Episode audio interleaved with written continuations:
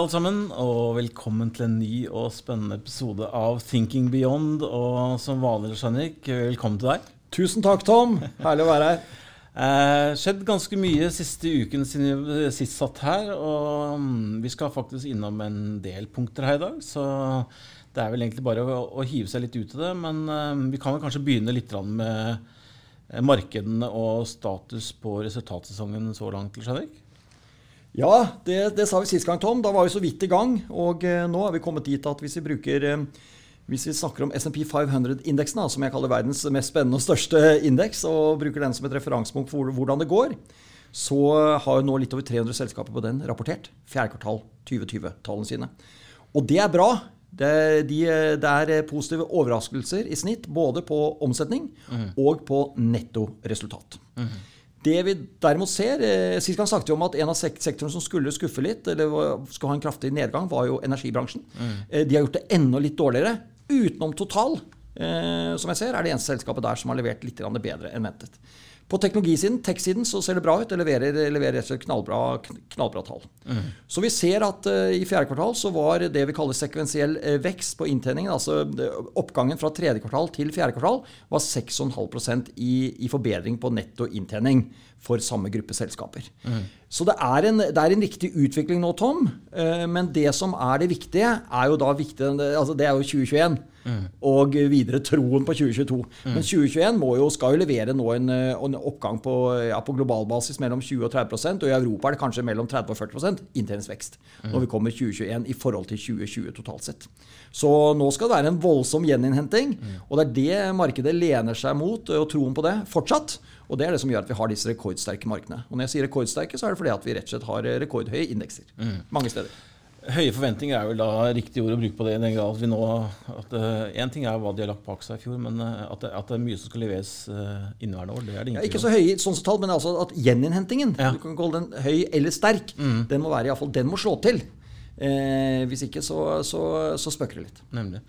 Du, når du nevner tech-sektoren er eh, sterk, så har vi jo også et selskap på Oslo Børs som heter Nordic Semiconductor, som er uh, også levert tall, og som vanlig, vil jeg si, overrasket de positivt. Eh, leverte sterke tall, selv om de sliter bitte litt med å rett og slett få levert nok. Ja, det er et fantastisk problem. Altså Noen selskaper, og dette norske selskapet her, som er egentlig kommet ut av eh, på 80-tallet, ut av eh, NTNU. Ja, Eller ja. Eh, var det kanskje NTH den gang, Norske, Norges tekniske høgskole. Men det miljøet der oppe, mm. det het jo Nordic VLSI en gang i sin tid. Og så nå heter det Nordic Semiconductor. Og semiconductor er jo ordet for halvleder. Og dette selskapet her produserer jo da integrerte kretser til bruk i trådløs teknologi. Og når jeg sier dette med trådløs teknologi, så tror jeg alle skjønner at da er liksom selve makroen, mm. altså markedet for det selskapet her, er jo formidabelt òg. For dette her er jo det som preger hele vår, vår, vår, vår hjemmetilværelse, mm. vår, vår, hverdag generelt, eh, både på fritid og jobb. Eh, alt som har med trådløs teknologi. Så kan du levere da komponenter som, har, som, som er avgjørende for å kommunisere eh, mellom, mellom, forskjellige eh, punkter som henter inn data, eller mm. bruker data, så er det klart da er dette selskapet her midt i kjernen av det som er megatrend nå.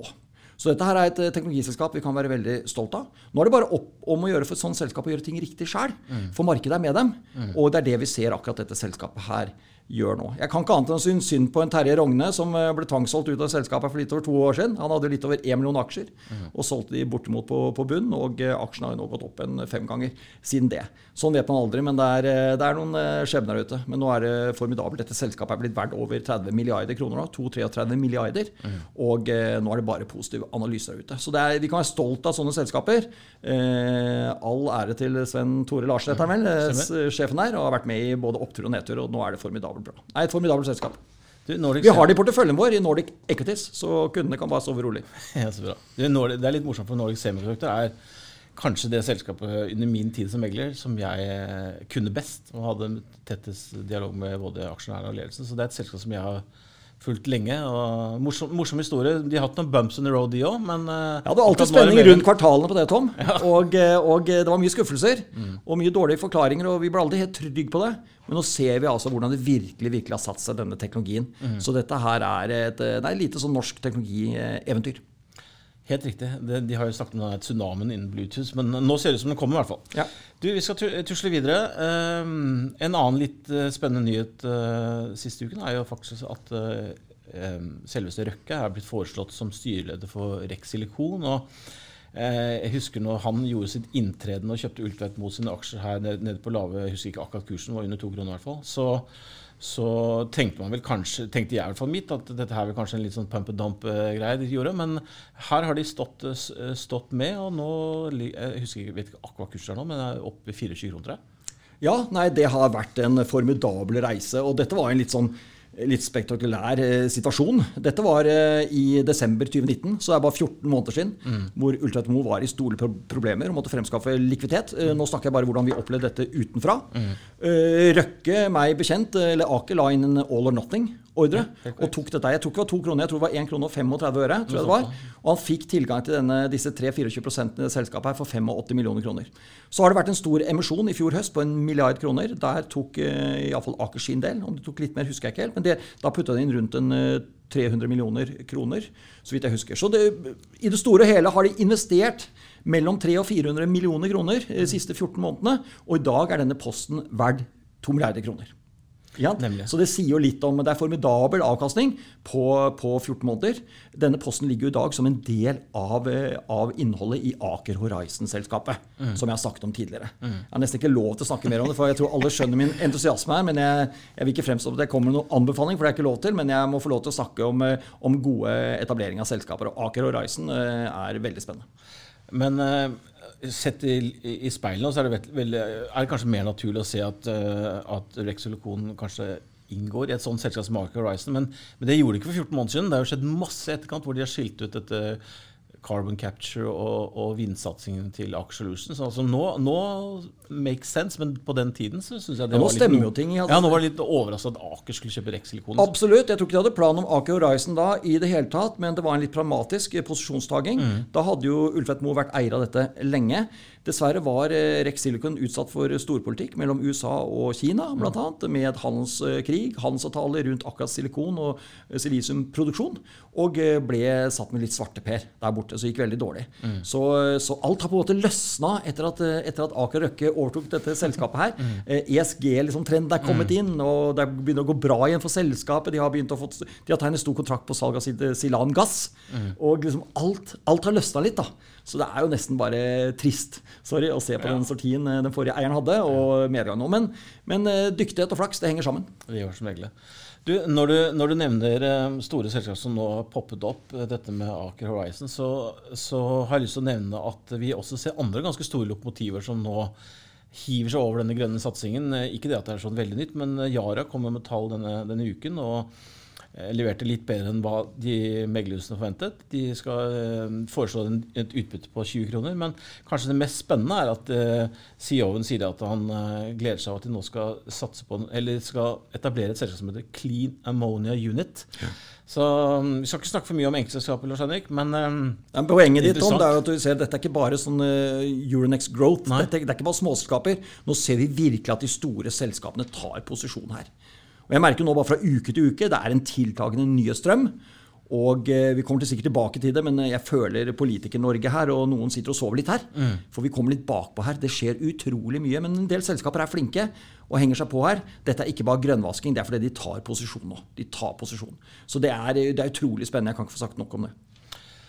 Du, eh, vi må nok eh, titte litt innom oljeprisen nå, for det overrasker jo kanskje meg noe at det har vært så voldsom oppgang. Men nå, ligger den rett i underkant av 61 dollar. altså Passerte 60 dollar og nesten opp i 61.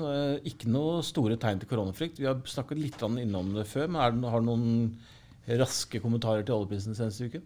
Nei, vi Gjenta det vi har sagt eh, nesten hver uke nå. når vi har sagt om det, At eh, prisen er nesten altfor god til å være som den fundamentale situasjonen er nå. Vi kan bare egentlig vende oss mot øst, mot Mos Moskva, og mot sydøst, mot Riyadh, og, og bukke og takke. For det er egentlig veldig disiplin innad i OPEC pluss mm. uh, som gjør at dette nå skjer. Mm. For, for den hva skal vi si, etterspørselssiden er jo fortsatt svak. Og den er litt sånn ustabil svak. Men samtidig velger markedet å ha fullt og helt eh, fokus fremover på hva som skjer i annet halvår og deretter, når sannsynligvis den økonomiske aktiviteten er høyere, og også etterspørsel etter olje og oljeprodukter er tiltagende. Mm. Da kan vi fort komme i en, i, en, i, en, i en, litt sånn skvis hvor etterspørselen kommer veldig raskt tilbake og spiser opp de produksjonskuttene man nå har hatt, har hatt og fortsatt har, og kommer til å ha de neste månedene og få kvartalene, kanskje. Ett-to kvartalene. Eh, og da kan det komme litt sånn underskudd. Mm. Og da kan kortvarig gå liksom betydelig høyere enn det her. sånn. Både 65 og 70 og 75 og 80. Men der kan det ikke bli i lengden. Det er det vi har snakket om, Tom. For hva skjer da? Jo, da er det egentlig som, som gjødsel eller næring til å starte opp igjen eh, skiferoljebrønner i USA. Mm. Og De kommer ganske raskt på banen. og Da tar USA veldig fort og tar tilbake de 2-2,5 millioner fatene de er ned fra toppen på sin produksjon nå pga. lave priser. Da kommer de fort tilbake i markedet igjen. Og da får vi en, eh, kan få nok et slag ned for oljeprisen når vi ser litt lenger fram. Så 60 dollar nå er kjempebra ut fra mm. hvordan situasjonen er. Den kan gå høyere og vil nok gå høyere i annet halvår hvis eh, etterspørselen normaliserer og verden blir så bra som vi håper og tror nå etter korona. Hvis ikke, så er det, bærer det nedover igjen for oljeprisen. Nemlig. Du, et, eh, et, tema som vi snakket om på avslutningen av forrige året, var dette at vi fryktet jo at altså En av de ting man kanskje kunne se for seg kunne bli problematisk for både økonomien og, og børsen, var jo hvis vi fikk stigende renter. Ja. Eh, det begynner vi jo faktisk å se litt antydning til nå borte i USA. Nå har jo Biden foreslått en, en eh, stimuluspakke på 1900 milliarder, altså 1,9 trillioner. Du får ja. korrigere meg. hvis jeg ja, eller billioner er på norsk. 1,9 billioner. Eh, nei, 1,9 billioner dollar. Ja. Riktig. Eh, men det vi ser, at det slår ut på renta? Ja. Jeg tror vi må tenke riktig her, for det er jo trillions. Eh, trillions er billioner på norsk og trillions på engelsk, så det er riktig. Eh, så det er 1900 milliarder dollar stimuli-pakke. Mm. Og, og det, nei, det det går på Nå har vi jo for å ta historien, nå har vi operert med pengepolitiske tiltak, altså lav rente nå i 10-11 år. Verden renner egentlig over av likviditet og penger, og det fasiliteres likviditet. Mm. Nå kommer det også altså, hva skal jeg si, stimulipakker ytterligere. Eh, fra amerikanske myndigheter. Det man da kan være redd for i markedet, er rett og slett at det blir en form for en overoppheting. Det lyder rart, akkurat som vi er nå, men med disse stimulipakkene, eh, baksiden av det er at det kan bli for, på en måte for, for, for høy kall det, pengemengde i, i, markedet. Og da får du da, da, blir, da kommer inflasjonen. ikke sant? Og så, så kommer prisstigningen her. Og da er det da, hvordan møter man den over tid? Jo, det er med økende renter. Mm. Å, men da skal, liksom, da skal liksom inflasjonen sette seg. Den skal, liksom, den skal komme liksom ganske mye og ganske fort. Mm. Da møter du det med rentestigninger ganske raskt. Og det er det man kan begynne å frykte litt etter hvert vil skje. Men i 2021 så blir ikke noe stort av det, kanskje litt utover i 2022. Men, eh, men eh, vi må skille på, på renteøkninger her. Er det for the good eller bad? Og for the good mener jeg hvis økonomien er bra og, og, økonomien utvikler seg i riktig retning, mm. da er det greit med inflasjon. Mm. Det er sunn inflasjon. Mm. For da skal den etter hvert denne veksten stagges litt med økte renter, sånn at investeringsviljen og forbrukslysten stopper litt. Mm. Da får disse syklene her.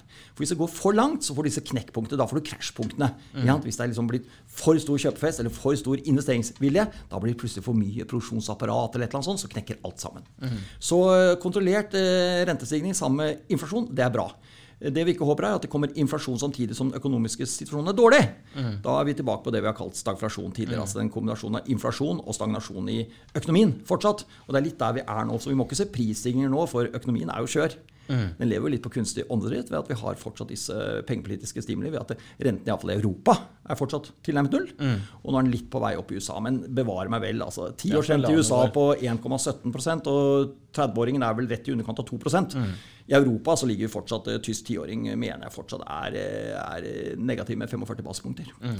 Så en halv prosent negativ. Så vi er, vi er liksom det, det, er noe, det er ikke akkurat noe, noe, noe det er høyt rentenivå. Er flagg som kommer opp. Nei, det er ikke det. Og, eh, men det er klart det er neste retning nå er at vi får rentestigning kommer i gang. Men la oss håpe at det kommer samtidig med at det er god økonomisk vekst. Veldig bra. Du, eh, Lars Henrik. Som vanlig har du vært aktiv på LinkedIn. og og denne gangen har du snakket litt om dette med at myndighetene ikke må, må sove timen. Og vi ser jo at det er en del artikler ute i media rundt dette med havvindsatsing. Og et selskap som heter Wind Europe har jo nå snakket om dette med at det var innvilget nå eh, europeisk havvindsatsing for 270 milliarder i fjor. Eh, det du reflekterer litt over, er at vi må bare passe på at ikke myndigheter og norske selskaper nå eh, blir liggende bakpå? Ja, jeg syns eh, Jeg tillater meg mening om det å si at norske myndigheter jeg syns, jeg syns vi ligger litt etter her nå. Og det gjelder jo hele vår lisensregime. Altså hvilke, hvilke, områder fasiliterer vi nå muligheter for havvind? Mm. Og Da har vi snakket om de første områdene som nå kommer med dette Nordsjø, eller sørlige Nordsjø 2. Eh, som ligger da helt ned mot Ekofiske, litt, litt øst for Ekofiskeområdet, Mot danske grensen på havet der. Og så har vi Utsira nord.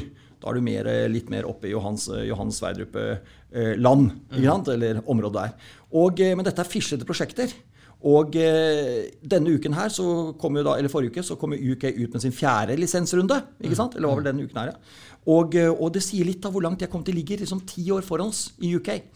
Og det er jo litt morsomt festlig å tenke på at for snart hva blir det, ni år siden, sommeren 2012, så åpnet altså kronprins Haakon et, det største havvindprosjektet i UK. Bare fordi det var eid av norske interesser. Statoil og Statkraft. Nå har Statkraft solgt seg ut siden, men Statoil eller Equinor er fortsatt med. Men der var altså Trond Giske, der var Ole Borten Moe som olje- energiminister. Eh, der var, der var kronprinsen vår og mm. åpnet det. Og dette var altså et UK-felt for ni år siden med pomp og prakt og norske flagg. Mm. Og så står vi her i dag, nå i 2021. Så om det er litt om oljen fortsatt litt hvilepute, om vi har et sånn politisk landskap som ikke er som litt handlingslammet, jeg vet ikke hva det er. Mm. Men det eneste vi vet, det er at skal EU lykkes med sin klimaplan, så har vi sagt at for å dekarbonisere kraftforsyningen i EU, og også transportsektoren, så kommer havvind, og da i stor grad fra Nordsjøen, til å være helt avgjørende for å lykkes med den planen der. Mm. Og Norge har en stor del av Nordsjøen. De andre land som er blant inn, er jo Danmark og Tyskland, og litt Nederland eh, kanskje, og UK. Og Norge. ikke sant? Og der ligger Norge litt bakpå nå. Mm. Så dette, jeg sier rett ut som jeg tror, Norge må bidra betydelig. Vi må ha voldsomme ambisjoner. Det må bli stort i Norge, ellers så lykkes rett og slett ikke EU eneste alternativet jeg ser i dag som ingen tør å snakke om, det er eh, nuclear, altså nukes, atomkraft. Mm. Det er et litt sånn banneord i dag. men det er, en, det, er en, det er, en, veldig bra mulighet. Men det er ikke helt på agendaen nå. Eh, ser bort fra det, så ser jeg eh, kombinasjonen av dette med karbonoppsamling og lagring. Mm. Altså for at du fortsatt skal kunne bruke f.eks. gass og kanskje også kull, men først og fremst gass. Eh, bare med å lagre da, altså samle opp CO2-en som skjer ved forbrenningen, og lagre den av storage, det sammen med eh, vindkraft på land, men særlig på havvind, det er det som er den virkelig store løsningen for at EU eh, e skal nå sitt store, gigantiske avkarboniseringsprosjekt i henhold til egen plan, og for å backe opp under Parisavtalen fra 2015. Du, kanskje litt dumt spørsmål, men et, et, siste spørsmål for dagen. Hva, hva, hva tenker du at uh, Er det myndighetene som kommer mer på banen her, eller er det selskapene? Eller er det en, en, ja, det er myndigheter. Ja. Eh, det er myndigheter som må skape forutsigbarhet rundt dette her. Hva slags, eh, hva slags, investeringsregime skal vi ha? Hva slags av, skattemessige avskrivninger? Eh, støtteordninger? Du kan også se for deg at myndighetene i starten virkelig satser stort og etablerer et selskap som de gjorde i starten, og hadde dette med statens direkte økonomiske engasjement innenfor oljefelt og mm. gassfelt i Nordsjøen, som da ble jo til Petoro når Statoil ble etablert i 2001 for å ordne og skille på de rollene der. Mm. Og det er Petoro ikke sant, står for petroleum, og ordet står for gull, så det er, det er petroleum og gull. Men da kunne du hatt noe som het altså Vind og Oro, Vind Oro eller et eller annet sånt. Et statlig selskap som, som, i, som liksom setter av flere hundre milliarder kroner. Ta det gjerne fra oljefondet. Nå må du tenke på at oljefondet vårt har fått et bidrag på 5000-6000 milliarder kroner fra olje- og gassnæringen. Det er der alle pengene kommer fra. Og så har de siste 5000-6000 milliardene kommet som avkastning siden dette ble etablert på 90-tallet. Kanskje man kan gi tilbake 500 milliarder eller 1000 milliarder mm. av de 5000-6000 milliarder man har fått tilført mm. eh, til oljefondet for å liksom kickstarte dette her i, i, i, Nordsjøen. Så vi trenger at eh, myndighetene er med. De må gjerne eie, være med i lisensene, akkurat som vi har vært i olje. Jeg har eh, selv vært ute med et tall. Jeg tror det må investeres minimum 4000-5000 milliarder kroner innenfor havvind i Norge for at vi skal bidra nok til at EU skal lykkes. Så, eh, så, jeg har ikke alle, liksom alle, svarene her. Jeg bare ser Hvis disse planene, disse store ordene som nå er rundt, disse festtalene, skal lykkes, så provoserer jeg med at da blir det så og så store tall. Og tallene er enorme, Tom. Mm. Og det jeg sier, let's get started. Hvert år vi mister nå, det er, det er tapt tid. Og eh, hva skal jeg si, det senker eller minsker sannsynligheten for at man når målene til tiden. Klart tale fra Henrik eh, her. Veldig veldig bra. Da må vi dessverre runde av for dagen. Eh, så dumt da Akkurat når jeg har klart å fyre opp. Vi snakkes om en uke, da. Det gjør vi. Og kjære lyttere, da høres vi til uken. Og så får dere ha en fin uke. I like måte. Hei. Hei.